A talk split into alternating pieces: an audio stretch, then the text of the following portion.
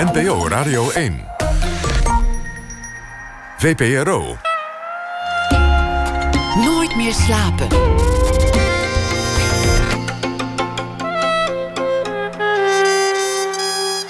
Met Floortje Smit. Welkom bij Nooit meer slapen. Rond half twee hoort u meer over het werk van de Thaise filmmaker Apichatpong Weerasettakul. In eigen land worden zijn films onderworpen aan censuur. Internationaal won hij al vele prijzen. Zijn werk is nu te zien in Filmmuseum AI. En Katelijn Schilder die leest een verhaal bij het uh, nieuws van de afgelopen dag. Maar komend uur zit eerst tegenover mij dus, zeg zo rond een uurtje of uh, half twee, Bart Moejaert. Hij is morgen een van de dichters die acte de présence geeft tijdens de 35e Nacht van de Poëzie. En hij draagt in de middag al voor op de Kindernacht voor kinderen van 6 tot 12. Volstrekt vanzelfsprekend, want voor Moejaert is de grens tussen een jong of een volwassen lezerspubliek een kunstmatige. Bart Moejaert, geboren in Brugge 1964, debuteerde op zijn negentiende met het boek Duet met valse noten. Een boek dat als jeugdliteratuur werd gecategoriseerd, terwijl dat ook niet per se hoeft. En misschien geldt dat wel voor al zijn werk. Voor eh, de novelle Dani Benoni bijvoorbeeld, of de verhalenbundel Broeren, die afgelopen maand een prachtige heruitgave kreeg. Hij won een hele rits prijzen, drie keer de Zilveren Griffel bijvoorbeeld, de Woutertje Pieterse prijs. En ook nu is hij voor de vijftiende keer genomineerd voor de prestigieuze Astrid Lindgren Memorial Award. Zo vroeg als Moejaert als schrijver debuteerde, zo laat werd hij trouwens dichter. Twintig jaar later pas, in 2003, met de bundel Verzamelde Liefde. Gevolgd door Gedichten voor Gelukkige Mensen in 2008. Twee jaar lang was hij bovendien stadsdichter van Antwerpen. Bart, welkom. Dankjewel, Floortje. Ik zei, ik zei uh, en ik, dat klopt eigenlijk helemaal niet. Ik zei zo laat als je, uh, uh, zo vroeg als je debuteerde, zo laat werd je dichter. Maar je was eigenlijk al dichter. Want wanneer schreef jij je eerste gedicht? Oh, ik denk ik zeven was, of zoiets. Nee, acht. En ik was er toen van overtuigd dat een dichter of een schrijver sowieso een uh, pseudoniem moest hebben. Moest, want dat hoorde zo. Dus sloeg ik het telefoonboek open en zocht ik mezelf uh, een, een, een, valse naam. Michiel Verberne, wat ik een absoluut heel literaire naam vond. Tot iedereen zei dat het Michel Verberne was en dat klopte niet. En ik stuurde op die manier mijn gedichtjes, die rijmden in, dat de kinderkrant van de Standaard, de grote krant in, in Vlaanderen. En eentje werd gepubliceerd. Waar ging die over? Och, oh, weet je weten. Uh, mevrouw Botenvlieg, Madame Butterfly, had ik blijkbaar gehoord. uh, een, een stom gedichtje over een kikker in de keel. En haal die kikker er maar uit. En zong ze hoge laas heel veel. Niemand geloofde dat ik het geschreven had, want die naam stond eronder, die Michiel Verberne. Uh, maar toen schreef ik al gedichten. Er was nog niks verknoeid aan mij, in die zin dat ik uh, op de lagere school ook van gedichten hield. Voordrachtwedstrijden, declamatiewedstrijden, die dan, waar ik tweede werd. En heel af en toe eerste, hoera. En toen ging het fout op de middelbare school, um, als, het, poëzie ging bedoel ik. Omdat ik heel, ik zat op een college. Uh, ik kreeg vaak te horen, wat heeft de dichter bedoeld? Uh, dus ik kreeg zo'n soort van afkeer voor poëzie, want het was allemaal moeilijker dan ik dacht. Het werd huiswerk. Uh, het was echt huiswerk. En je had, je had nooit gelijk. Uh, je, je, ik ben uiteindelijk gered op mijn twintigste ergens op de hogeschool in Brussel, waar ik les kreeg, poëzie kreeg van een dichter. En die op zo'n vriendelijke, mooie manier met poëzie omging een, hele, een heel gedicht lag voor je, maar als je één zin eruit pikte en die al probeerde uit te leggen op jouw manier, vond die dat geweldig. En op die manier ben ik terug van poëzie beginnen houden, meer poëzie gaan lezen ook. Maar wat ik bedoel met verknoeien, is dat ik zelf wel poëzie schreef, maar god weet dat niet meer wist wat poëzie nu eigenlijk was. Moest het moeilijker? Moest het, moest het complexer? Moest het een sonnet zijn? Dus heeft het lang geduurd voor ik uh, echt me durfde te outen als, als dichter. Je was, je was eigenlijk gewoon heel bang um, dat, dat je het niet goed deed. Dus dat wat je opschreef, dat dat niet goed, goed ja, was. dat het niet goed genoeg was. Uh, ik was er misschien wel op een rare manier van doordrongen... dat poëzie een bepaalde vorm moest hebben. Zoals een sonnet bijvoorbeeld. Het is heel raar gelopen hoe ik uiteindelijk wel bij de eerste bundel ben terechtgekomen echt raar. Het was in Hasselt. Uh, een mevrouw van een cultureel centrum daar had een heel leuk idee. Op de vooravond van Valentijn mochten jonge koppels uh, naar het theater komen voor een literaire avond. Een van de twee moest betalen, de ander mocht gratis binnen, wat ik een leuke gedachte vond. Ze kregen ook een cadeau, een boekje. En ik werd uitgenodigd om, weet ik veel, acht minuten voor te lezen. En ik zei nog tegen die mevrouw van, maar bijna nooit over de liefde, echte liefde geschreven, of de verliefdheid. Dus dacht ik, ik plak er twee gedichten tegenaan. Eentje om mee te beginnen en eentje om mee te eindigen. Je leest het mooi voor en het is weg. Niemand kan het nalezen. Uh, dat is de beste manier. En ik heb dikke pech, want wie zit er in de zaal? De directeur of iemand die te maken heeft met Poetry International in Rotterdam, die mij na afloop uh, aanspreekt en zegt: uh, Waar vind ik je bundel? Ja, die is er niet. Zou je een bundeltje van tien gedichten kunnen samenstellen? Dat zou kunnen. Wel, dan ben je de Vlaamse dichter te gast op Poetry International in Rotterdam volgend jaar. Stond ik daar op het podium met die gemaakte bundel, zeg maar gekopieerde bundel uh, met tien gedichten. En ik lees Siberië, een heel warm, klein gedicht. En ik heb pech, want in de zaal zit de directeur van de metrolijn in Rotterdam. Die vraagt van, mogen we dat gedicht op zo'n uh, billboard hangen? Het verschijnt en het verdwijnt.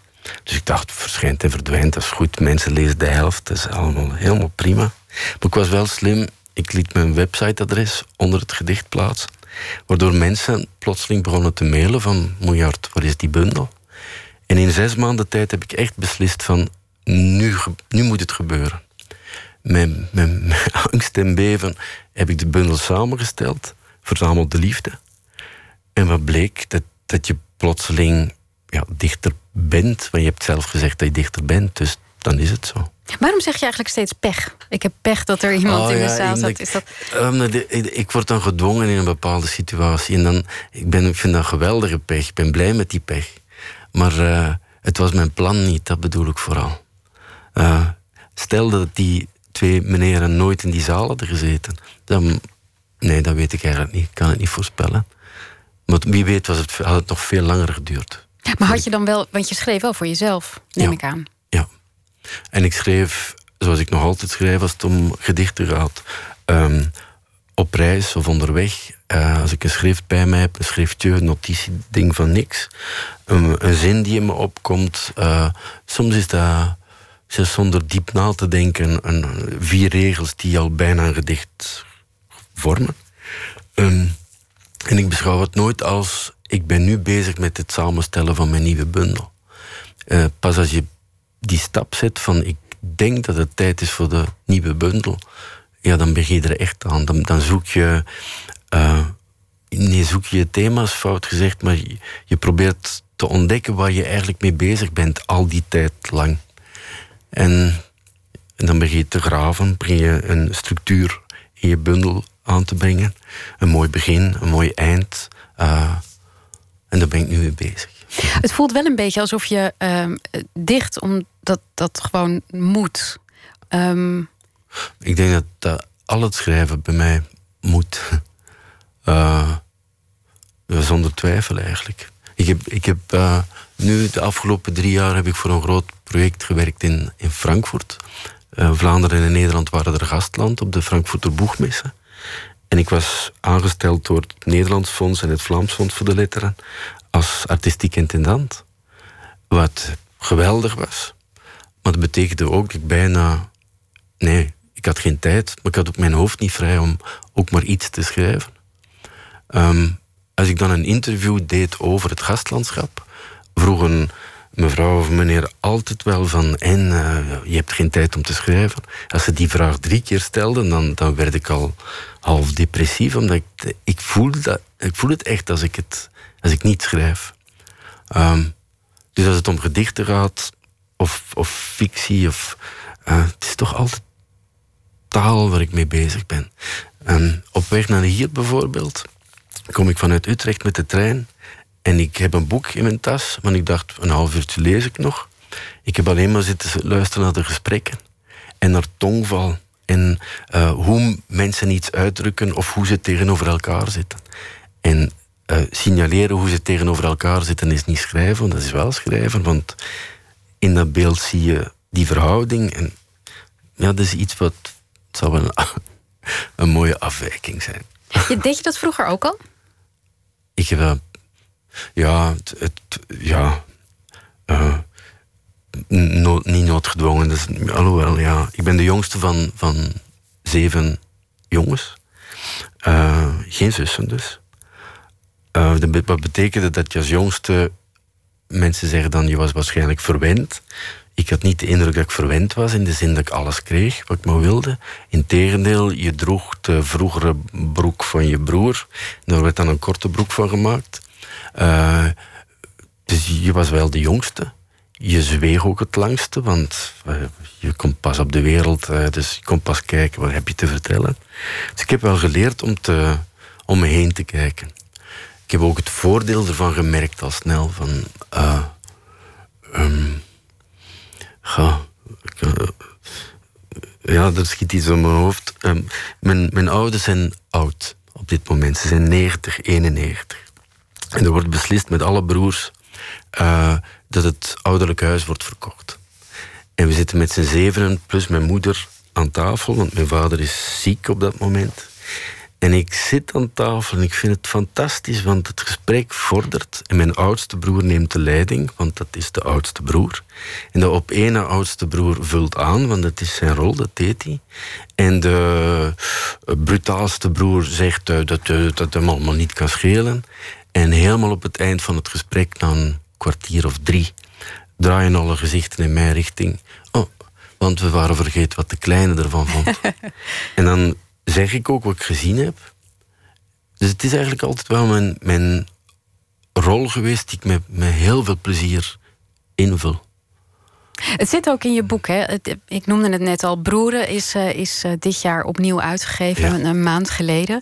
Um, daarin beschrijf je eigenlijk in korte verhaaltjes um, over jou en je broers. Um, het voelde een beetje, in het boek voelt het een beetje alsof het inderdaad iedereen heeft zijn eigen rol, maar jullie zijn ook een soort eenheid. Ja, het is, het is bewust zo, zo verteld. De, de verhalen zijn ontstaan omdat er een tijdschrift, het Nieuw Wereldtijdschrift, dat ooit in het leven is geroepen door Herman de Koning, zaliger, uh, een nieuwe editie kreeg. En op de voorlaatste bladzijde werd mij gevraagd aan de telefoon of ik een column wilde schrijven, elke maand. En ik zei aan de telefoon, nee, dat doe ik niet. Ik ben niet zo iemand die uh, iets op de korrel neemt of actualiteit volgt en er meteen een heldere mening over formuleert. Nee, maar zeg ik, ik kan wel elke maand een verhaal vertellen over mijn achtergrond, over mijn familie. Nog nooit diep over nagedacht. Ik was ooit van plan om een roman te schrijven, echt een roman over hoe het was, hoe mijn kindertijd was. Maar dus ik flap het eruit en dat, oh, dat vinden ze een goed idee. Ik heb toen er duidelijk voor gekozen, want ik was, weet ik veel, 15 jaar jonger. Uh, nee, 20 jaar jonger. Uh, ik ga niet mijn memoires schrijven. Daar ben ik te jong voor. Ik vind dat ook een beetje blasé om dat te doen. Van kijk, mij is het een grote familie komen. Dus het ging over mezelf, het vertellende jongetje, en zij, de zes anderen. En als het mij uitkomt, zijn er drie anderen. En als het mij anders uitkomt, twee anderen. Maar daardoor bekom je dat een lezer niet de memoires van Moejaard leest, maar misschien wel zijn eigen kindertijd. Ik, uh, ik wilde ook de namen niet gebruiken van mijn broers. Het, ze, ze, hebben geen namen. Waardoor iedereen zijn eigen kindertijd in die verhalen kan leggen. Um, het blijkt ook nu, het boek, uh, toen het boek verschenen was, dat mensen het ook zo uh, lazen hoe vaak je een kaartje of een brief of commentaar krijgt bij een lezing, hoe het bij die mensen ging. Vergelijkbaar, grote tafel, uh, veel lawaai enzovoort. Maar dus in, in de broerverhalen heb ik veel herinneringen kunnen stoppen, maar ook wat iedereen heeft, is het eigenlijk wel een herinnering. Is het, is het geen foto die ik ooit heb gezien waarvan ik zelf een herinnering heb gemaakt? Uh, heb ik die hut ooit wel gezien die toen gebouwd werd? Waarschijnlijk wel, maar het kan ook zijn dat het verhalen zijn die aan de grote tafel zijn verteld door mijn oudere broers. En die ik als kind plotseling zelf heb meegemaakt. Maar op die manier, als je die in kleine verhalen vat En je weet hoe een kort verhaal werkt. Dat het niet en toen en toen en toen is, maar dat je het een beetje ja, uh, spannender maakt, of, mooi, of beter maakt, mooier maakt. Uh, heb ik toch heel veel van mijn kindertijd er kunnen inleggen. Hoe was dat eigenlijk opgroeien met uh, zes broers? Uh, goed, dank je. nou, de, ik, ik heb echt een hele leuke, fijne, fijne kindertijd gehad. Uh, echt goed, dank je. Um, uh, ik werd meegenomen door mijn broers. Uh, hun avonturen waren niet mijn avonturen, maar ik stond er naar te kijken en dat was allemaal prima. Zij bouwen een hut en twee weken later is die hut van mij, want zij zijn die hut beu. Maar die is wel mooi gebouwd en goed gebouwd in een boom. Uh, ik vind het prima, want daar kan ik gaan zitten lezen en tekenen. Ik ben een gelukkig kind. Wij, wij vormden een club. Niet met z'n zevenen tegelijk, maar met de drie jongsten. Ma, Jo, Ba, Mark, Jos, Bart. Die clubs werden in het leven geroepen om in de mogelijkheid te zijn om een singeltje te kopen. Wat toen nog, weet ik veel, 20 Belgische frank kostte. Wat dan fortuin was voor ons zakgeld. Maar als je samenlegde, kon je wel één single kopen. En soms werd die, club direct ontbonden omdat er ruzie ontstaan was. En dan hoorde een van die broers plotseling bij een andere club binnen het gezin. Um, alles is, is mm, goed gegaan tot ik een jaar of twaalf was, denk ik. Toen begonnen broers te trouwen. Ze gingen het huis uit, ze gingen studeren. Um, en daar had ik wel last van, omdat ik, uh, je begint zelf te puberen. Uh, ik was toen al met mijn eerste boek bezig. En je wilt het wel delen, maar er is eigenlijk niemand waarmee je het echt wilt delen of kunt delen, bedoel ik. Uh, dus tussen mijn twaalf en mijn twintigste vond ik het een stuk lastiger. En eigenlijk, nu ik het bedenk, één keer je dat leven wordt ingestuurd en je wordt 21 en we kijken naar de toekomst en welk huis zullen we hebben? Ah, dan zijn die broers een beetje een, tijdelijk verdwenen. En het mooie is, wat ik daarnet vertelde, door de, de toestand van mijn ouders, zijn alle broers terug aan tafel komen te zitten. En merk je dat dat gezin eigenlijk nooit echt weg is geweest. Kijk je nu ook anders naar het boek, nu je het uh, in heruitgave hebt? Um, ik kijk niet anders naar het boek, maar het mooie is dat we. Er, er is ooit een vertelvoorstelling van Broeren geweest, zo drie seizoenen lang. Een pianiste, ik vertelde negen verhalen, zong twee liedjes. Uh, en dat was het. Uh, en wij hebben die voorstelling nu op een andere manier uh, opnieuw gebracht, maar herdacht en de, de 2.0 versie. En ik merkte bij mezelf toen ik het verhaal, de verhalen voorlas, niet allemaal dezelfde als toen, maar dat ik er anders in ging.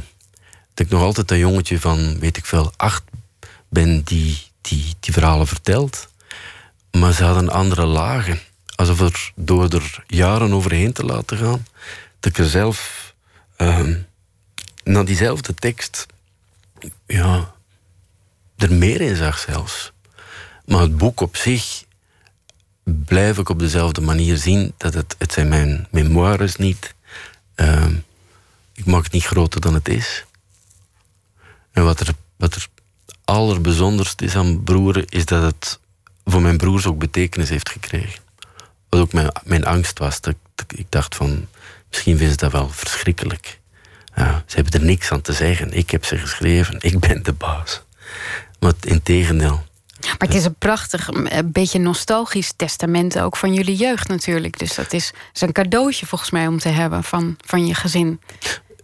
Ja, ja, ja, ik wil het. Ja, ik vind het altijd moeilijk om. Ik, ik hoor het als compliment en dan leg ik het in het vakje complimenten.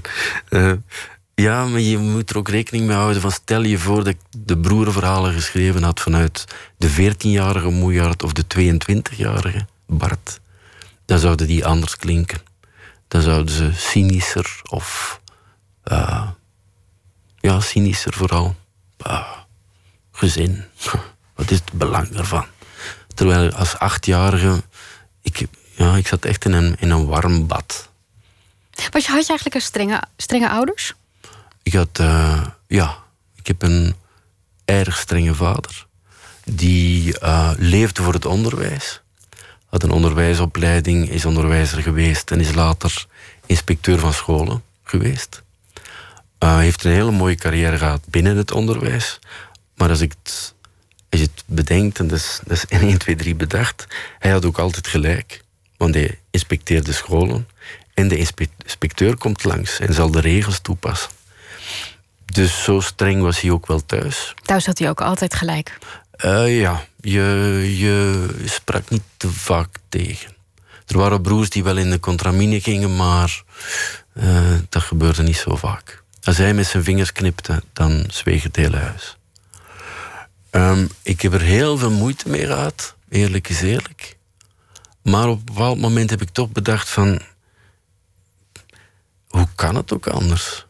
Als je zeven... Je hebt, je hebt ongeveer elke dag een klas aan je tafel zitten. Van verschillende leeftijd dan nog. Je moet het allemaal zelf verzinnen. Er zijn wel pedagogieboeken, maar je moet die zeven toch wel opgevoed krijgen. Dus ik snap eigenlijk wel dat je een bepaalde regel aanhoudt. Um, en ik vergoelijk het niet, maar ik vind het eigenlijk wel zo. Vooral ook omdat mijn moeder de tegenpool kon zijn, of de balans bracht. Zij was de vrouw van het gevoel, of de mens van het gevoel. Um, zij zorgde dat er eten op ons bord kwam. Oei, en zelf heb ik bijna niks. Ze, ze, in de keuken kon je tegen haar aan gaan leunen en dat ene probleem bespreken. Ze wist heel veel van, van mijn broers en van mij. Uh, dus dat brengt de dingen in balans. Het rare, maar het is, ik vind het echt heel raar, maar ook mooi. Uh, we verhuizen uit het ouderlijke huis mijn, de belangrijkste zaken van mijn ouders naar de serviceflat. En er duiken uit een la in het bureau van mijn vader, ik zou maar zeggen, 32 mappen op. Bart 1, Bart 2, Bart 3, Bart 4. Bomvol krantenknipsels. Waar hij in de rand met stift, met balpen, met fluorstift dingen heeft aangeduid. Wat denkt deze man wel? Als het een beetje te kritisch werd. Of uh, overschot van gelijk. Als het uh, jubelend was, weet ik veel. En ik denk van, man, man, man. Je hebt zo goed als nooit tegen me gezegd van goed bezig. Is altijd heel kritisch geweest van waarom is dat prentenboek zo groot? Kinderen kunnen het niet vasthouden. Omdat ik vind dat het zo moet, papa. Waarom die tekening, waarom die tekst zo? Maar nooit zeggen, ah, ik vind het geweldig. Dus ik zeg het hem, die 32 mappen zijn opgedoken. En hij kijkt naar me en begint te grinniken.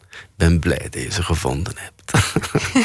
ik denk van, daar moet je zo oud voor worden. Die mappen die zeiden eigenlijk wat hij zelf helemaal niet kon zeggen. Ja, dat denk ik. Maar, ik, ik denk dat hij, het is zijn manier om het te zeggen. Ik denk dat hij die vragen van dat te grote prentenboek en waarom gebruiken die teken en wat vragen die tekenaar enzovoort. Dat is zijn manier om je te doen nadenken. En als ik in de verdediging ging, dan was hij waarschijnlijk al lang blij. Maar ik weet, niet, ik weet niet hoe hij opgevoed is, maar misschien is het ook een manier om ervoor te zorgen dat je nooit op je lauren gaat rusten. om je steeds maar verder uit te dagen. Ik, dat denk ik. Ik denk dat dat zijn manier was. Uh, maar dat had ik niet zo snel door. Uh, je krijgt applaus in Duitsland. Ik kreeg een, heel, kreeg een heel mooie prijs, de Duitse Jeugdliteratuurprijs. Een prijs waar ik van droomde als, weet ik veel, 15-jarige. En ik krijg die prijs voor blote handen. Dat is zo'n soort van Oscarbeeld, ook zo zwaar. Alsof ik weet hoe zwaar een Oscarbeeld is, maar goed, zo'n ding. Ik ben apetrots. En bij ons in Vlaanderen staat het in de krant... vijf regels, uh, uh, kinderboekenschrijver Bart Moejaert heeft een prijs gewonnen. Hoera. Hij heeft tegen mijn broer gezegd dat hij trots is. Tegen mij heeft hij nooit gezegd van ik ben zo blij. En dan denk ik toch van oh. Maar zie je, ik ben het, ik het klinkt weer vergoelijkend, maar ik, ik heb er eigenlijk wel vrede mee. Ik vind dat helemaal oké. Je neemt het hem niet kwalijk? Nee, nee. Doet het niks met je zelfvertrouwen? Uh, ja, doe het natuurlijk doet het iets met je zelfvertrouwen. Maar daarom ben ik ook. Ik geef les aan het conservatorium in Antwerpen. uh, studenten woordkunst. En ik geef schrijven, creatief schrijven heet het dan. Wat er natuurlijk is schrijven creatief, maar goed. Uh, ik, ben, ik ben echt streng. Uh, ik ben wel vriendelijk voor mijn studenten en, en ik kan zien, aanzien zelfs mijn kinderen. Maar ik ben nogal hard. Omdat ik er. Ik heb het er een beetje moeilijk mee dat je via The Voice of via welk programma dan ook in negen weken plotseling de ster van het jaar kunt worden met een carrière van hier tot Gunder. Dan moeten we dat nog zien. Ik hou ervan dat het gegrond is, dat er basis aan zit, dat je ervoor gewerkt hebt, dat je met, met je kop tegen de muur hebt gelopen om die fout dan nog eens te maken, weet ik veel. En hij, dus mijn vader, heeft er ook wel voor gezorgd dat ik bleef werken. Uh, en waardoor ik ook heel goed, heel goed weet wat, wat ik zelf wil. Wat ik zelf verschrikkelijk vind. Uh, anders had ik het waarschijnlijk niet zo overtuigd geweest over wat ik deed. En je moeder? Oh, mijn moeder. Bij de première van Broeren, toen het voor het eerst in een grote zaal een mooie bonbonnière in Mechelen. Met weet ik veel, 700 mensen in. Mijn broers op één rij, dat is al ongeveer één rij vol. mijn moeder en mijn vader in het midden van de zaal. En ik heb mijn moeder bloemen laten bezorgen. Om te zeggen van, kijk eens mama, het is feest vandaag. Broeren, première. Bloemen worden meestal verpakt in van dat knisperpapier. En ik dacht, mijn moeder zal die bloemen onder haar stoel leggen of afgeven bij de vestiaire of wat dan ook. Nee, nee, de hele voorstelling lang heeft ze zitten knisperen met, met haar bloemen om te zeggen hier zit de mama. Straks uh, horen we meer uh, van uh, Bart Moejaert na het nieuws.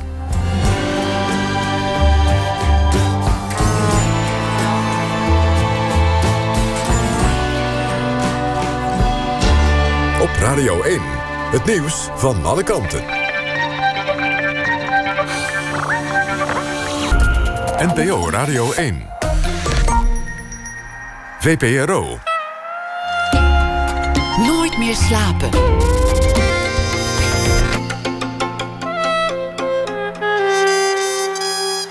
Met Floortje Smit. Welkom terug bij Nooit meer slapen. En tegenover mij zit nog steeds Bart Moejaert... die morgen optreedt op de 35e nacht van de poëzie. Voor het nieuws hebben we het uh, onder meer gehad... Uh, over hoe het is om op te groeien met, uh, met zeven broers. En hoe dat is als je, als je ouders 90 zijn... weer aan dezelfde grote tafel belandt... en dat iedereen toch weer in dezelfde rollen vervalt... Um, we zijn er ook achter gekomen dat als je ouders 90 jaar wordt, dat je dan via 32 mappen kunt ontdekken dat ze veel trotser op je zijn dan je eigenlijk al die tijd dacht. En we hebben het ook al gehad over hoe dichten en, en schrijven voor jou altijd een, een uitlaatklep is geweest. Dat je eigenlijk niet anders kon, dat je altijd maar bleef schrijven. Je bent op een gegeven moment, um, je hebt ooit uh, drie mijlpalen genoemd in je, in je uh, carrière. Het eerste was je debuut op 19-jarige leeftijd. Duizelingwekkend jong ook. Het tweede was uh, uh, Broeren, je boek. En het derde was het stadsdichterschap van oh. Antwerpen. Ja.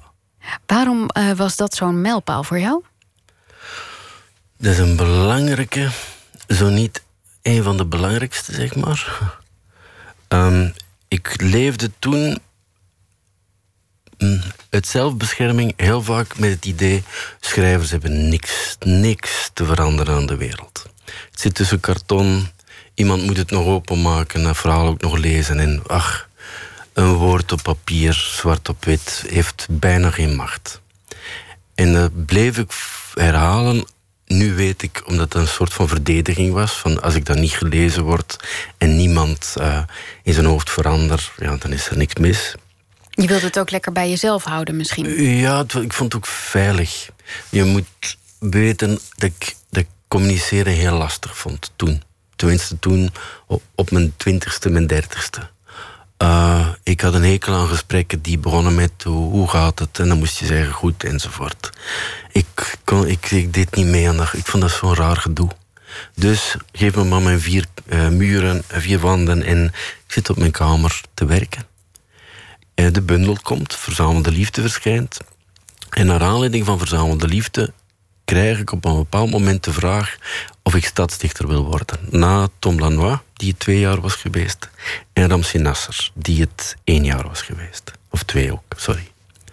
Uh, en ik uh, antwoord dat ik het ga doen. Want de man waar, waarmee ik het gesprek heb, of het voorgesprek, maakt ook duidelijk van je hoeft uh, niet Tom Lanois te zijn, je hoeft niet Ramsi Nasser te zijn. Een stadsdichter schrijft minimum twaalf gedichten in die twee jaar uh, over de stad. Je bent vrij, uh, je doet wat je zelf wil. Ik, heb, ik, ik stap de stad in en in mijn eerste grote taak, vind ik zelf, is poëzie naar de mensen brengen. Dus mijn eerste stadsgedicht is hoe ik zelf in Antwerpen ben terechtgekomen vanuit Brugge. Um, en het stadsgedicht wordt verdeeld uh, eh, 60.000 deurhangers en het gedicht in zes talen of zeven, weet ik veel. En het hangt aan deurknoppen over de hele stad. 200 vrijwilligers hebben het verspreid, inclusief mezelf. Dus ik denk, we nemen de stad in met poëzie. Uh, fijn. Ik ben echt een heel gelukkige dichter. Want je, je, je geloofde dat poëzie de wereld mooier zou maken? Ja, ja, of dat het mensen kon doen nadenken of troosten. En dat er te weinig poëzie doordrong tot de mensen.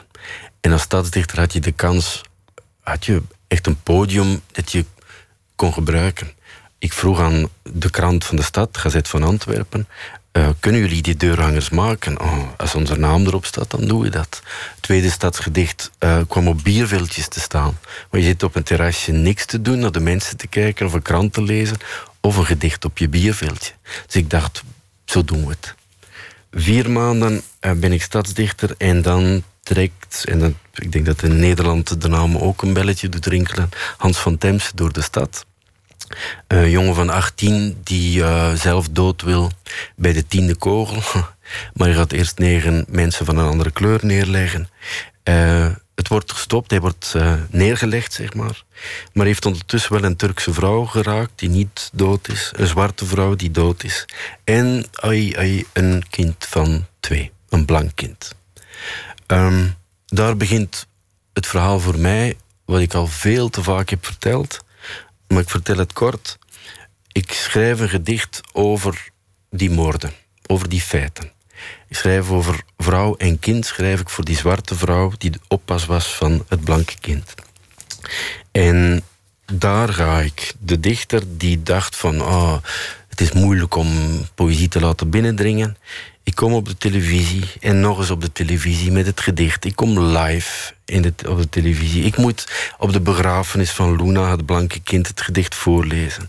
En ik ben woest op de wereld. Ik ben woest dat dingen zo kunnen veranderen, dat, dat mensen zo'n idee kunnen hebben. Um, maar ik krijg die, die woede niet gekanaliseerd. Ik, ik, ik krijg het niet kwijt. Dus ik moet nog anderhalf jaar door met het staatsdichterschap. Het ik, komt niet in je gedicht. Dat was niet genoeg. Het gedicht was niet genoeg om je, je woede in te. Nee, omdat er. Ach, er waren mensen die het gedicht afdeden als politiek gebeuzel. Want uh, je, je wil ervoor zorgen dat uh, de, de burgemeester die aan de macht is op zijn plek blijft. Want die is ook zo open voor uh, andere, andere kleur.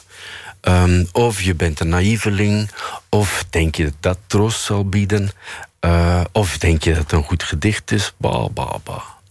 En als je, als je in stilte aan je bureau zit en je stuurt je gedicht of je boek de wereld in, dan komt de brief binnen of het kaartje en denk je van, goh, ik heb toch een beetje betekenis.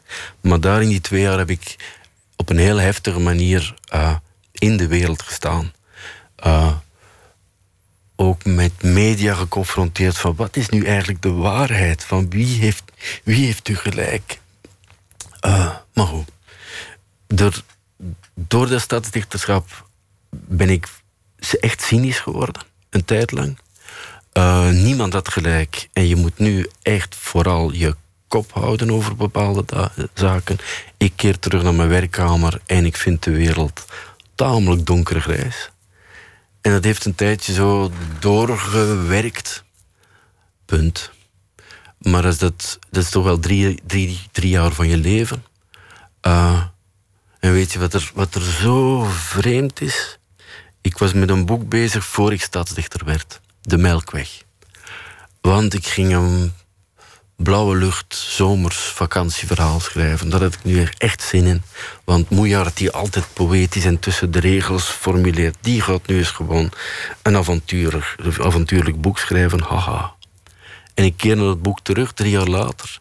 En ik slaag er niet in om die toon te vatten. Ik zie de blauwe lucht niet. Ik begin helemaal opnieuw aan de Melkweg. En dat is het, voor mij het mooie aan het boek De Melkweg. Dat je voelt hoe die twee werelden van mij over elkaar heen schuren. Ik wil zo graag dat de lucht blauw is, maar ik ben een beetje verdrietig, want er is iets aan de hand met mij. Zo staat het in het boek. Ehm, je hoort me komen, daarnet heb ik over mijn vader gezegd van, ik vind het eigenlijk allemaal goed eigenlijk is die periode ook schitterend geweest. Ik ben blij dat ik die heb meegemaakt, omdat ik daardoor een aantal dingen nooit meer ga doen. Uh, ik, neem, ik ben mondiger geworden, wat ik vroeger niet durfde. Uh, dus dat, als, als het om mijlpalen gaat, is, is dat, stadsdichterschap absoluut uh, een belangrijke. Je hebt er geen spijt van? Nee, nee. Of ik het opnieuw zou doen, is een tweede als ik het opnieuw zou doen, dan zou ik het anders aanpakken. Ehm, er was een beeld dat mij altijd voor ogen staat. Tom Lanois kan heel goed oreren. Staat op een tafel en brengt zijn gedicht. Ramsey Nasser moest het podium op toen hij net benoemd was als stadsdichter. En ik sta in de coulissen en ik zie hem naar het podium vertrekken, armen wijd. En het publiek uh, juicht, want de nieuwe stadsdichter is er. En ik zie dat beeld nog altijd voor ogen van... wat moet ik nu doen? Moet ik ook zo podium op, armen wijd, publiek, kom maar hier. Ik heb dat niet op die manier gedaan, maar eigenlijk stiekem, tenminste niet eens stiekem, in zekere zin wel. Kijk, hier is Bart en ik denk zo over de wereld, lees je mijn gedichten, wat denken jullie ervan? Ik denk als ik nu opnieuw stadsdichter zou zijn, zou ik nog altijd dezelfde houding in mijn gedichten hebben. Maar als het erop aankomt, mijn armen kruisen en zeggen: uh, uh, uh, doe ermee wat je zelf wil. Want eigenlijk is dat het sterke aan poëzie, dat ik er niet bij hoef te zijn. Het hoeft niet van mij te zijn. De lezer maakt het van hem. En dat is het bijzondere. Je zei net al, je, je ziet die werelden zie je schuren in, in dat boek. Eigenlijk zie je in het hele werk zie je volgens mij een soort um, opstanding uh, van jou terug. Je hebt in het begin heb je hele wijfelende hoofdpersonen, hoofdpersonen die niet goed weten wat ze moeten met hun, hun plek in de wereld. En dat worden steeds meer daadkrachtige types. Het, het eindigt als rebellen, pas op. Geef het nog tien jaar, Floortje, en ik ben rebel. Ja. Maar is, klopt dat? Is dat... klopt, dat is een bus. En ik denk ook dat het, het is niet zo. Ik hoef niet zo diep na te denken erover. Als die, als, ik vind een vertelstem hyperbelangrijk. Niet alleen in, in, in een roman, ook in een gedicht trouwens. Maar de vertelstem bepaalt voor mij alles. Uh, ik ben nu met een boek bezig en ik hoor mijn hoofdpersonage dit verhaal vertellen. Uh, en dat is alleen maar die toon. Dat kan geen andere toon zijn. En het enige waar ik mee bezig ben is uitzuiveren van ballast. Waar ik te veel doorklink. Ik wil haar, haar, op, op papier hebben. En omdat ik kan die stem niet verzinnen. Ik kan die niet uit de lucht plukken en, en eens op mijn vinger zuigen en plotseling iets op papier zetten. Nee, het moet, moet, moet meer in mij zitten. Dus het is bijna logisch dat, dat mijn personages van wijfelende jonge mensen die bijna hun mening niet durven te uiten, ja, dat die evolueren naar niet, niet eens brutaler, maar ze komen meer voor zichzelf op. Uh, ze, ze vinden dat ze mogen vinden wat ze van de wereld vinden. En welke, wat, waar ben je nu mee bezig? Wat voor, welke vertelstem is dat? Oh, het is een meisje van twaalf. Ik ga niet te veel vertellen, want dat doe ik nooit. Uh, ze bestaat al heel lang. Toen ik uh, klaar was met mijn taak voor, voor uh, het, stad, het stadsdichterschap, wat zeg ik, voor het gastlandschap van Vlaanderen en Nederland. In januari van dit jaar was het voorbij voor mij. kon ik terugkeren naar vijf. Nee, kon ik terugkeren naar, naar, vijf verhalen die ik had. Of een zesde wat nog niet bestond. Maar om mezelf tijd te geven en rust te geven, heb ik die vijf verhalen telkens opgepakt. En kwam ik telkens bij dat ene meisje terecht. Omdat ze op een bepaalde manier um, naar een moeder kijkt, naar de situatie kijkt waar ze in zit. Ze is, uh, ze is verbeten. Ik wil, ik wil het woord boos gebruiken, maar boos is te, te vlak. Um, zoals een twaalfjarige kan zijn, van, van geef mij nog een maand en dan zal ik wel eens zeggen wat ik ervan vind. Maar nu ga ik eerst nog een beetje lastig doen over de wereld. En het, het geweldige aan het, dit boek, om, dit te schrijven, maar ook het moeilijke, is dat ik vanaf het begin vertel wat er met haar aan de hand is. Of wat ze verzwijgt. Dus je wordt direct deelgenoot gemaakt als lezer. Uh, in vroegere romans heb ik, laat ik dat op het einde doorschemeren, dat iedereen denkt van, oh, dat wisten we nog niet. Maar nu word je direct deelgenoot gemaakt. En ik vind het zo spannend om zelf de, de eerste lezer te zijn van mijn eigen boek. En te merken van, gat, ze neemt echt de leiding. Ze is vreemd, maar ze zegt ook tegen mij van, ja, ik ben vreemd, maar je, je bent nog altijd bij me. Je leest nog altijd wat ik aan het vertellen ben. Um, dus het is een, een, moeizaam proces, maar het is ook een heel fijn proces. Je praat over haar alsof ze in je, in je hoofd echt leeft, hè? Oh, maar ja, ja, ja. Want zo is, je, zo is je debuut ook ooit ontstaan, omdat je iemand had verzonnen. ja. Ik wilde een vriendin. Want mijn broers hadden vriendinnen. En ik niet. Ik zat op een jongensschool. En ik was niet vreselijk de populairste, omdat ik, uh, ik las. En op die jongensschool was ik al niet aan de voetbal. Uh, ik had ook een beetje een hoge stem, dus ik werd alles gepest. Wat allemaal eigenlijk wel oké was. Maar ik trok me meer en meer terug. Dat ook op de laatste rij van in de klas. En op een bepaalde dag is er het, het nieuwe meisje in de school gekomen. Wat onmogelijk is, want het was een jongensschool. Maar in mijn dagboek stond het. Ze heet Judith, wat ik een fantastisch mooie naam vond. Ze had ook fantastisch goed haar uit de reclames. En ze draaide zich om en ik zag haar en zij zag mij. En het stond in mijn dagboek. We zijn samen naar huis gefietst. In dat dagboek is ze blijven bestaan, een hele tijd. Tot een broer van mij uh, in dat dagboek gelezen heeft en ik hem erop betrapt heb. En zie je, daar ga ik weer met mijn pech. Ik vind dat wel geweldige pech, want daardoor heb ik het dagboek stilgelegd, maar ben ik wel met mijn eerste boek begonnen. Uh, en die twee, die twee stel ik samen. Ik bedoel, uh, Landre en Lieselot, Lieselot, zoals ze uiteindelijk heten, mijn personages, dat ben ik. Ja, ik ken ze. We gaan uh, even luisteren naar uh, muziek. Soulzanger Mosi Samni die doet niet aan snikkende uithalen of andere grote vocale gebaren. Hij houdt het klein op zijn nieuwe plaat die binnenkort verschijnt. Luister maar naar Indulge Me.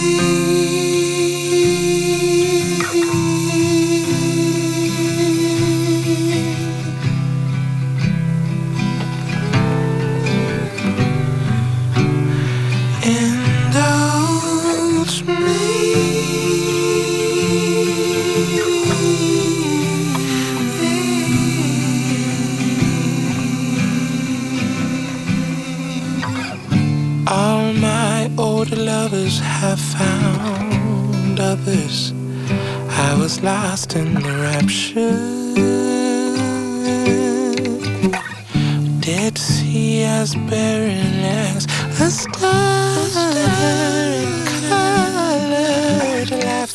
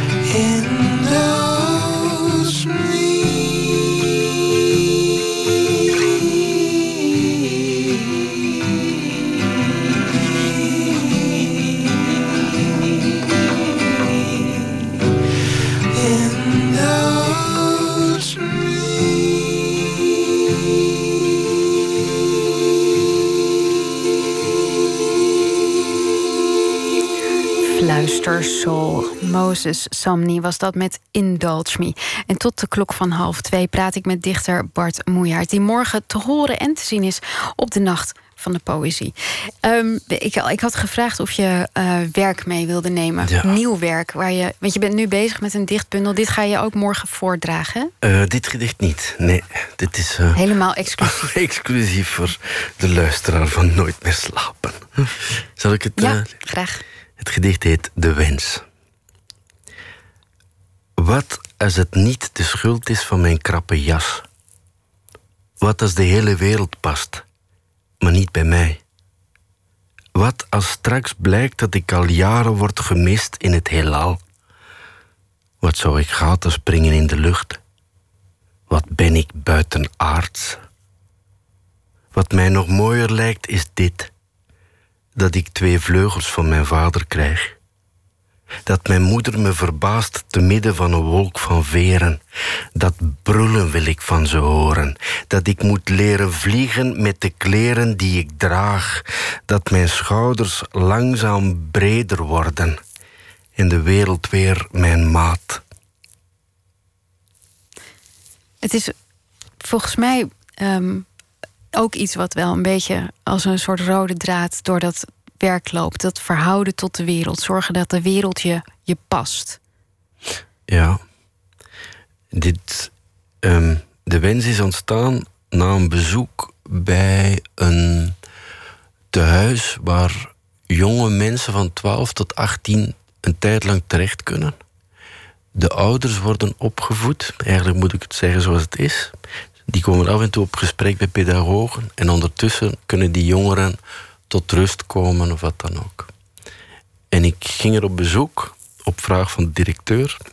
En er is één cel, ik moet zeggen cel, één kamer waar elke wand, plafond, vloer bekleed is met uh, matrassen bijna. En daar kan de woedende 14-jarige uh, zijn gevoel uitbrullen of kwijt. En ik vroeg of ik in die ruimte binnen mocht. Ja, dat mocht zeker. Schoenen uit. En ik zweer het, ik zweer het, dat, uh, ja, dat klinkt zo ijl, of, maar uh, je voelde die energie daar. Je voelde die, die, die, die woede haast. Uh, en toen vroeg de directeur van, of ik voor het tehuis, of voor het, voor het huis, een, een gedicht wilde schrijven. En ik zei dat ik dat niet zomaar meteen kon, maar dat ik het wel ging proberen. En uiteindelijk is de wens, dit gedicht dus, ontstaan.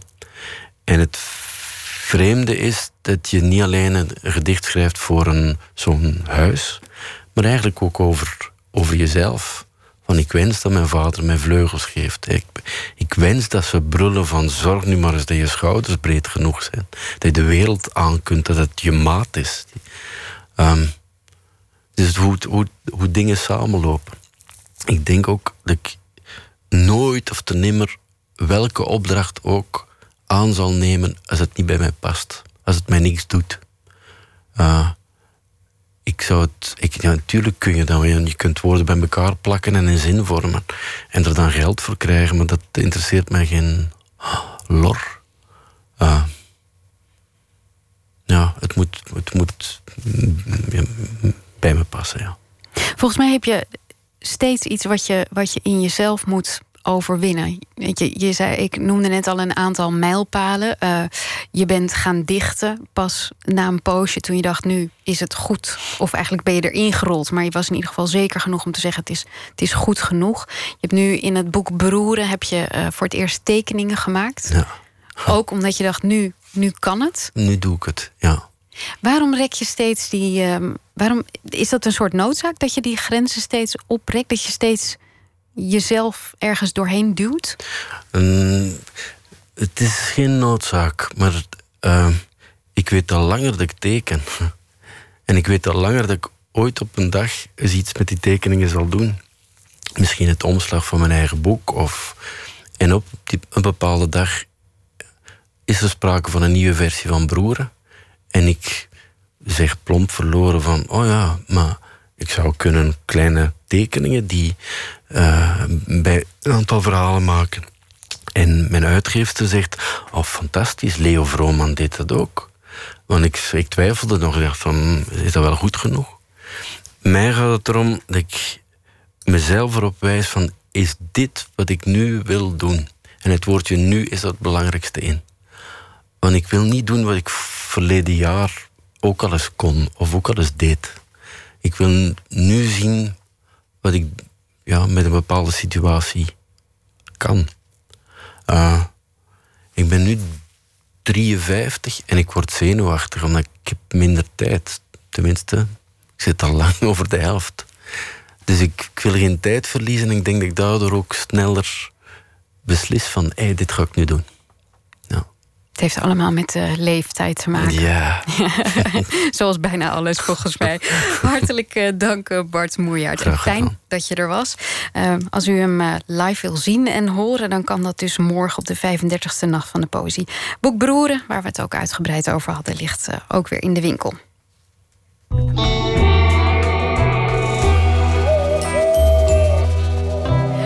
Moment Apart, zo heet het nieuwe album van Odessa, de elektronische muziekgroep uit Seattle. In dit nummer worden ze vocaal bijgestaan door Regina Spector. Luister naar Just a Memory.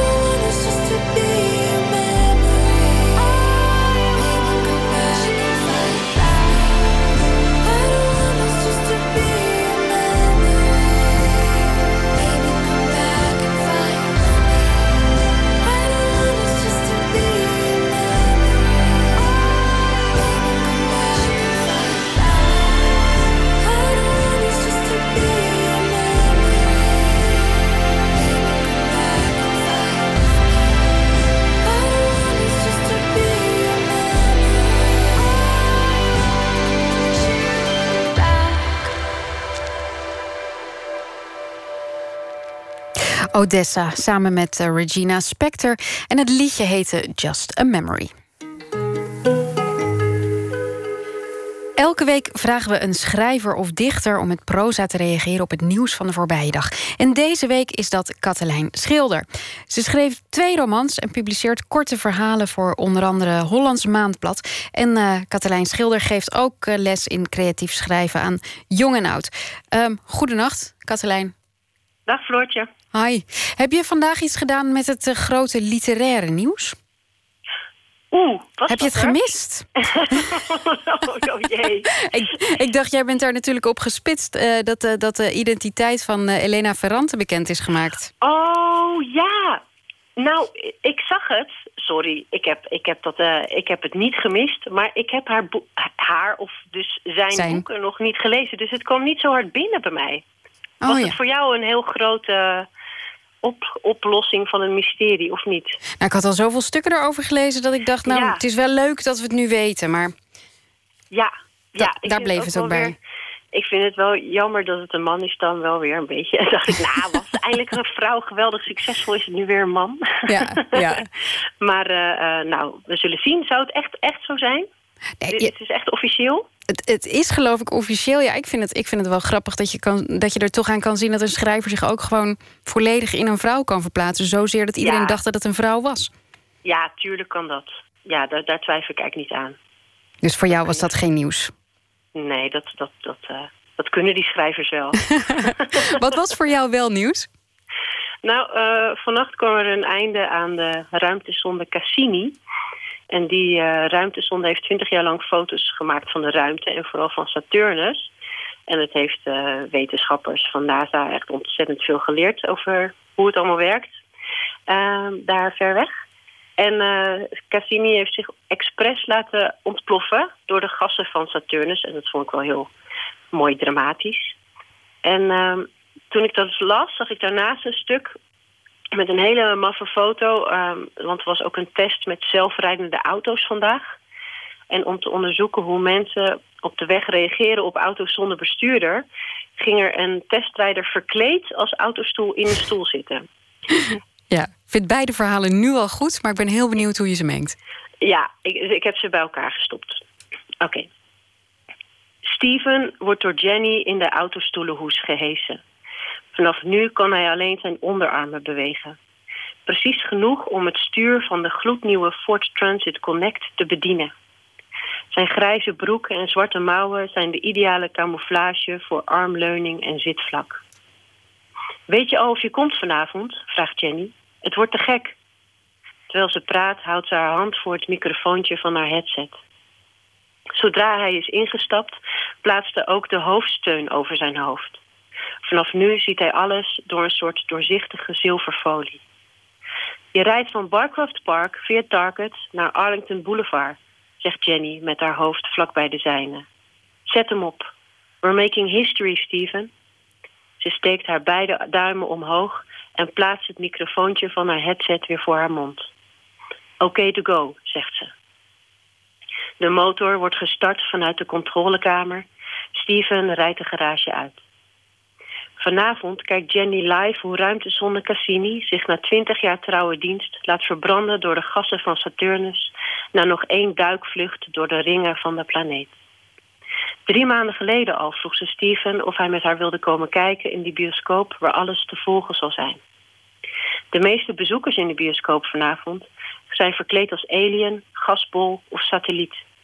Jenny heeft via internet het paarse t-shirt van het Cassini-team te pakken gekregen. Als Steven de parkeerplaats van de Target oprijdt, ziet hij bij de ingang drie paar benen met daarboven fel oranje pompoenbuiken reclamefolders uitdelen. Hun hoofden steken boven de pompoenen uit en zijn oranje gesminkt. Steven steekt zijn arm op om zijn verklede lotgenoten te groeten. Zij zien alleen een langsrijdende auto met niemand erin. Als ze goed hadden opgelet, hadden ze gezien dat de hoofdsteun ze vriendelijk toeknikte. Mooi, Katelijn. Katelijn Schilder, die eh, voor ons eh, de afgelopen week het, eh, het nieuws bijhield. Viel het mee? Het viel heel erg mee. Het was heel fijn, bizar nieuws de hele tijd. En daar kan je wel wat mee natuurlijk. Ja, dat is geen probleem. en het was ook niet... Soms heb je wel weken met ontzettend dramatisch nieuws. Dus ik had een keer de week dat Trump president werd zeg oh. maar. Dus uh, die, uh, die herinner ik me nog wel. maar deze was iets ontspannender. Ja, nou hartelijk dank weer voor je bijdrage van deze week. De New Yorkse band Cigarettes After Sex is een veel geprezen voor hun ongetitelde debuutalbum. Het is zo'n late night album met een mooie fluisterzang. De liedjes zijn soms wat lang, vandaar nu een radio edit van de track Sweet. Watching the video that you sent me. The one where you're showering with wet hair dripping. You know that I'm obsessed with your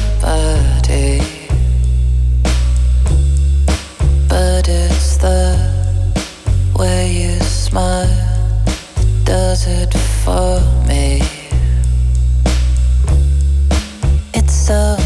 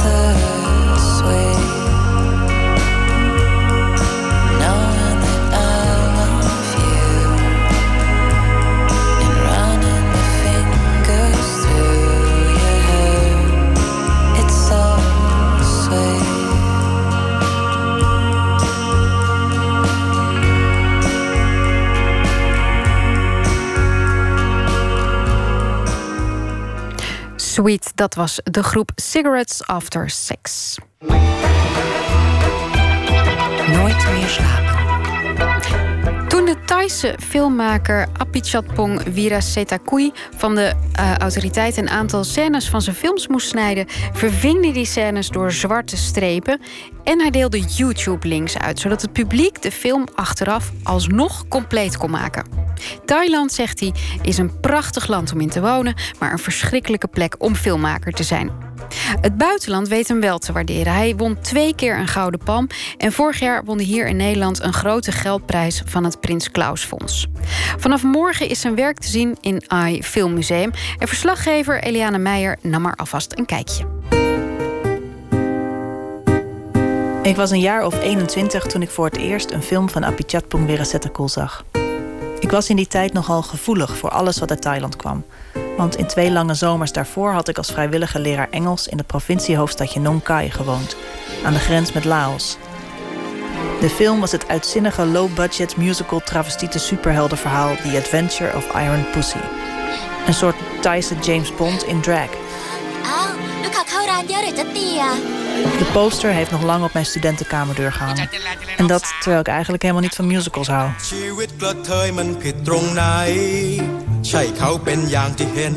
Iron Pussy bleek later nogal een buitenbeentje in het oeuvre van Weerasethakul. De rest is slow cinema. Mysterieus, meditatief, spiritueel. Ik zag Tropical Melody bijvoorbeeld, waarin een sjamaan voorkomt die in een tijger kan veranderen. En Uncle Boon Me Who Can Recall His Past Lives, waarin het de gewoonste zaak van de wereld is dat een overleden zoon in de gedaante van een aapgeest zijn stervende vader bezoekt. Ik herinner me de alomtegenwoordige krekels, het diepe duister na zonsondergang, de neonverlichting, de dansende insecten. Een paar beelden uit die films en ik ben weer terug in Thailand. I think movies are like dreams, you know. It's almost like you dream them. You know, sitting in the dark and have this light and absorbing it, it's become really organic. Ik spreek Apichatpong Weerasethakul in het iFilm Museum, waar de tentoonstelling Locus wordt opgebouwd. Hij spreekt en beweegt zoals de meeste van zijn films zijn. Rustig en aandachtig. I'm not surprised, you know, some people like it, but I, I just feel that it's about memory my own memory that touched Verbaast hem niet dat anderen zijn werk mooi vinden, maar zelf ziet hij het als een diep persoonlijk project, zoals een dagboek. See, I'm pretty terrible at speaking and explaining. That's why I think I make movies, make this art, so-called art, and I think it just come down to the word memory or diary. You just try to remember things through selected uh, images and recording.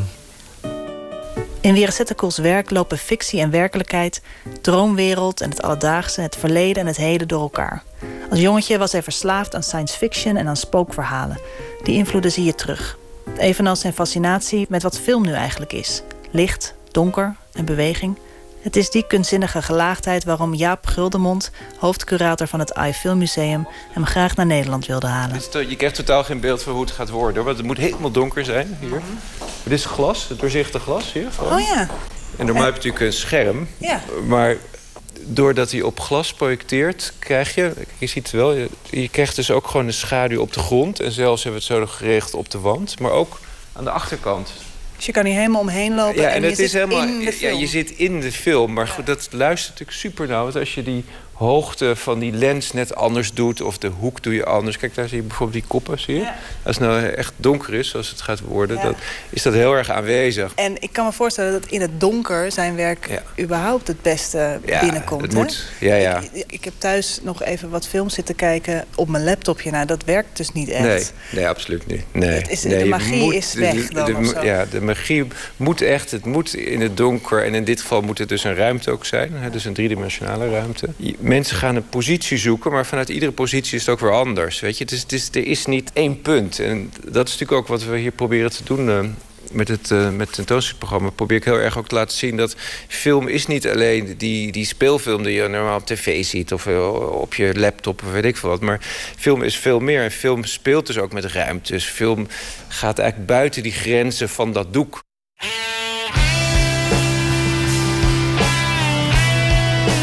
Apichatpong Weerasethakul, of Joe zoals hij in de internationale filmwereld ook wel bekend staat, onderzoekt in zijn films zijn eigen herinneringen en die van zijn omgeving. In een land waar maar één versie van de geschiedenis is toegestaan. Die subtiele politieke lading leverde hem afgelopen december hier in Nederland de Prins Klaus Award op. Uh, incredible. Uh, Your Majesty? In zijn speech vertelt Vera Sitterkool dat op een dag in de jaren 70, hij was een jaar of zes, op alle kanalen van hun televisie alleen maar Disney-filmpjes te zien waren. That was a very special day event for us kids.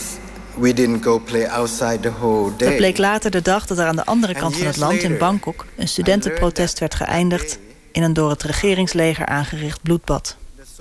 Het is slechts één voorbeeld van hoe fictie en realiteit in elkaar staart bijten, zegt hij.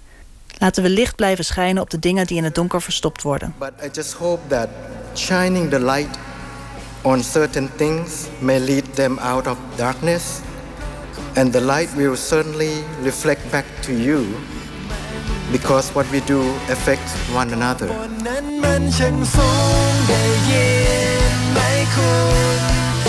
I, I cannot tell you how much I, I enjoy living in Thailand, but at the same time, how much I hate uh, being a filmmaker there. You know, and you cannot help comparing. Hey, I'm here at the eye, and oh, I'm so proud. I have been here. Uh, at the same time, wow, um, this is not home. This is, not, you know, it's only I cannot share this with my friends there, for example. Yeah.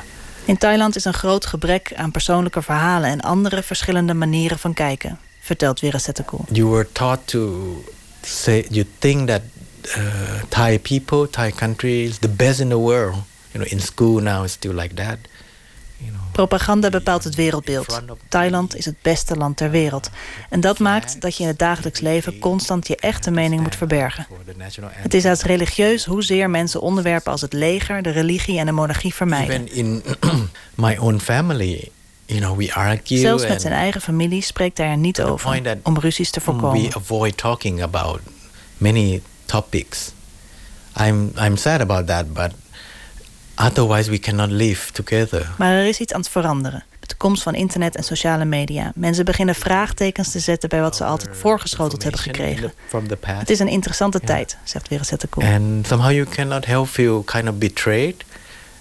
And at the same time, again, excite, excitement of, hey, this is new information. Wat voor mij nieuw was ik heb Apachatpong eh, bezocht in Thailand. En ik ben bij hem thuis geweest. En hij woont ergens heel mooi buiten Chiang Mai. Ergens Noord-Thailand. In Noord-Thailand, maar dan de westkant.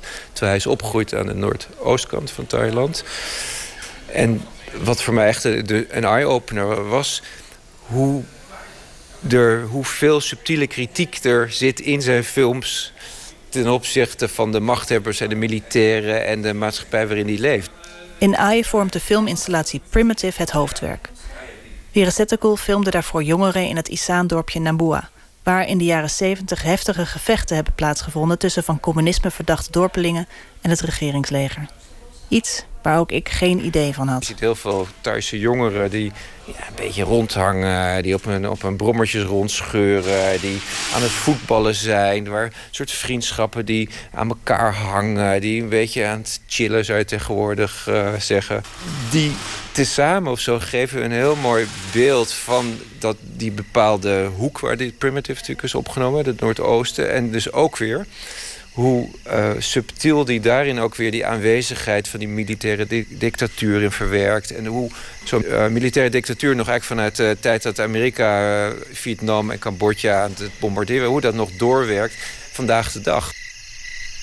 History is like memory, it's transformed, you know, it's, it doesn't have any fixed form. And I think for me the best is to have choices and to have different versions, to have angles from different perspectives and and we're we're getting there uh, and against this I would say machine.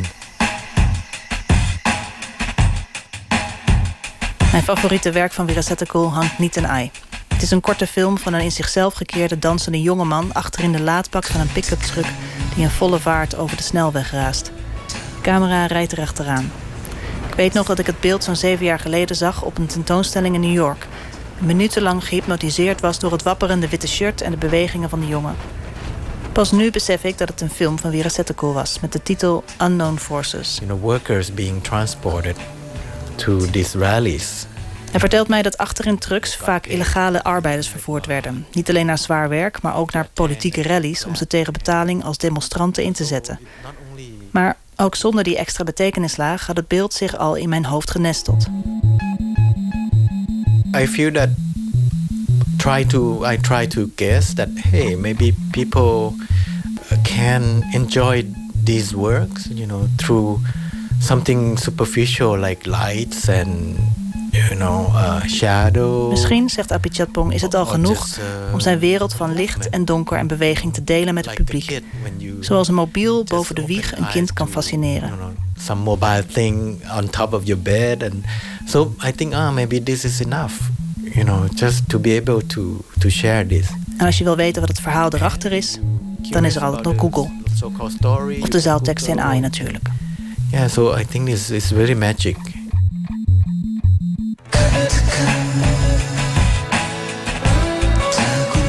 De magie en de politiek in het werk van de Thaise filmmaker Apichatpong Weerasethakul. Cool, sorry. of Joe, ik noem hem gewoon Joe. Vanaf morgen is het eh, te zien in het AI Filmmuseum. Samen overigens met het werk van Kau Guimares... die iets soortgelijks doet in zijn films, maar dan in Brazilië. De reportage was van Eliane Meijer. Onlangs verscheen een Neil Young-plaat die eigenlijk al in 1976 had moeten verschijnen, wat om onduidelijke redenen nooit gebeurd is. Hitchhiker. Sommige nummers verschenen wel later op andere albums, maar dit is de oerversie, Powderfinger.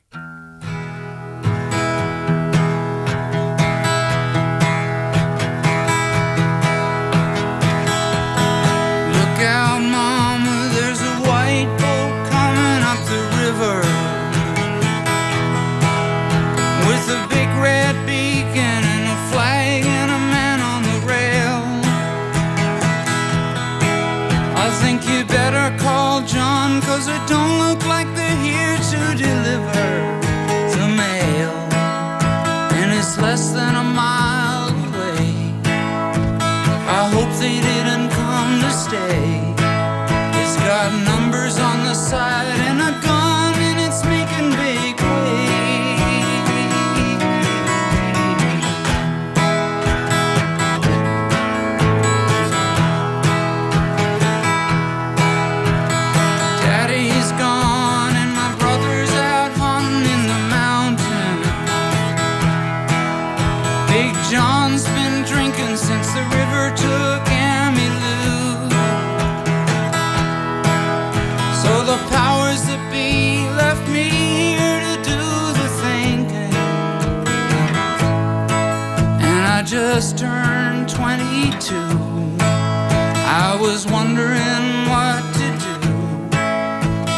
closer they got,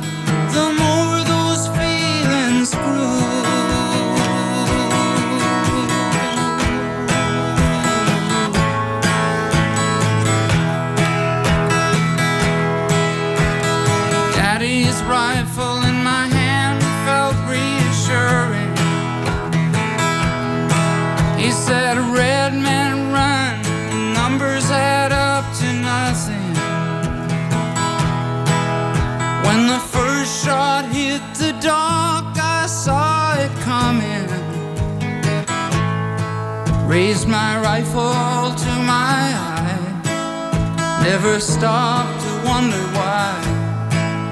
Then I saw black and my face splash in the sky.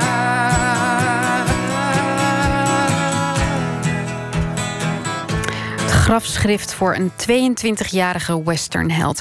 Powderfinger, dat was Neil Young. En dan gaan we meteen verder met 1 minuut. Een serie vol wonderlijke verhalen in 60 seconden. De bijdrage van vanavond heet George Michael. Pst, 1 minuut. Soms zing ik heel goed en soms uh, drum ik heel goed. Of ik speel heel mooi piano. En ik kan ook heel goed dansen. Ik vind het ook heel irritant als er mensen tussendoor komen met een fietsbel bijvoorbeeld. Of als ik iemand tegenkom onderweg, vind ik ook jammer. Of als alle stoplichten op groen staan, dan kan ik veel minder liedjes.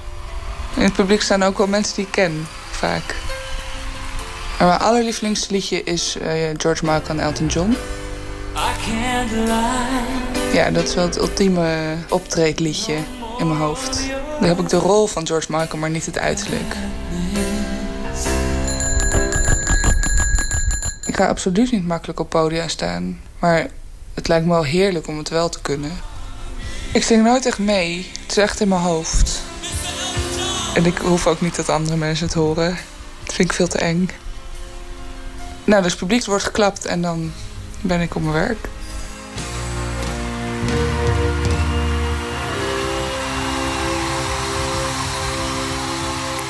U hoorde 1 minuut gemaakt door Laura Stek met dank aan het Mediafonds.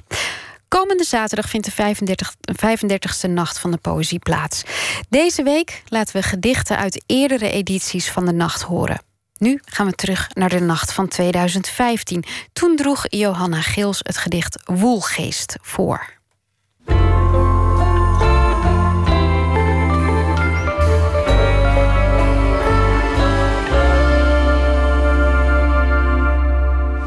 Woelgeest. Ik was acht en barones. Belde met een oranje telefoontje naar God. Mijn vader stond in de tuin te schreeuwen naar de wolken. En ik tikte op het raam en riep dat God verdomme niet thuis was. Later die dag ging mijn opa dood. Hij had één ijzeren tand en daar begroeven ze hem mee. Zijn handen mocht ik houden, trok hem me plagerig op schoot. En wanneer ik hem s'nachts zie zitten en klets om niet te hoeven praten, hoor ik hem zachtjes zingen. Kun je dansen, Johanna? Laat zien wat je kan.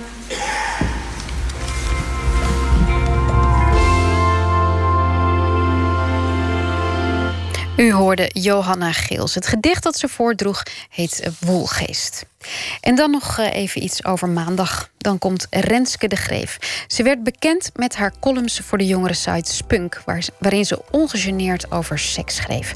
Renske de Greef die publiceerde tot nu toe twee romans... onder andere over de zin en de onzin van vrijwilligerswerk in Afrika. Voor NRC Next schrijft ze columns... en sinds 2015 doet ze dat in getekende vorm. Een aantal van die columns zijn nu gebundeld in haar nieuwe boek... Waarom ik mensen niet in mootjes hak. Dat onder meer dus maandag. Strakjes kunt u luisteren naar de Nacht van de Radio. Ik wens u een hele goede nacht.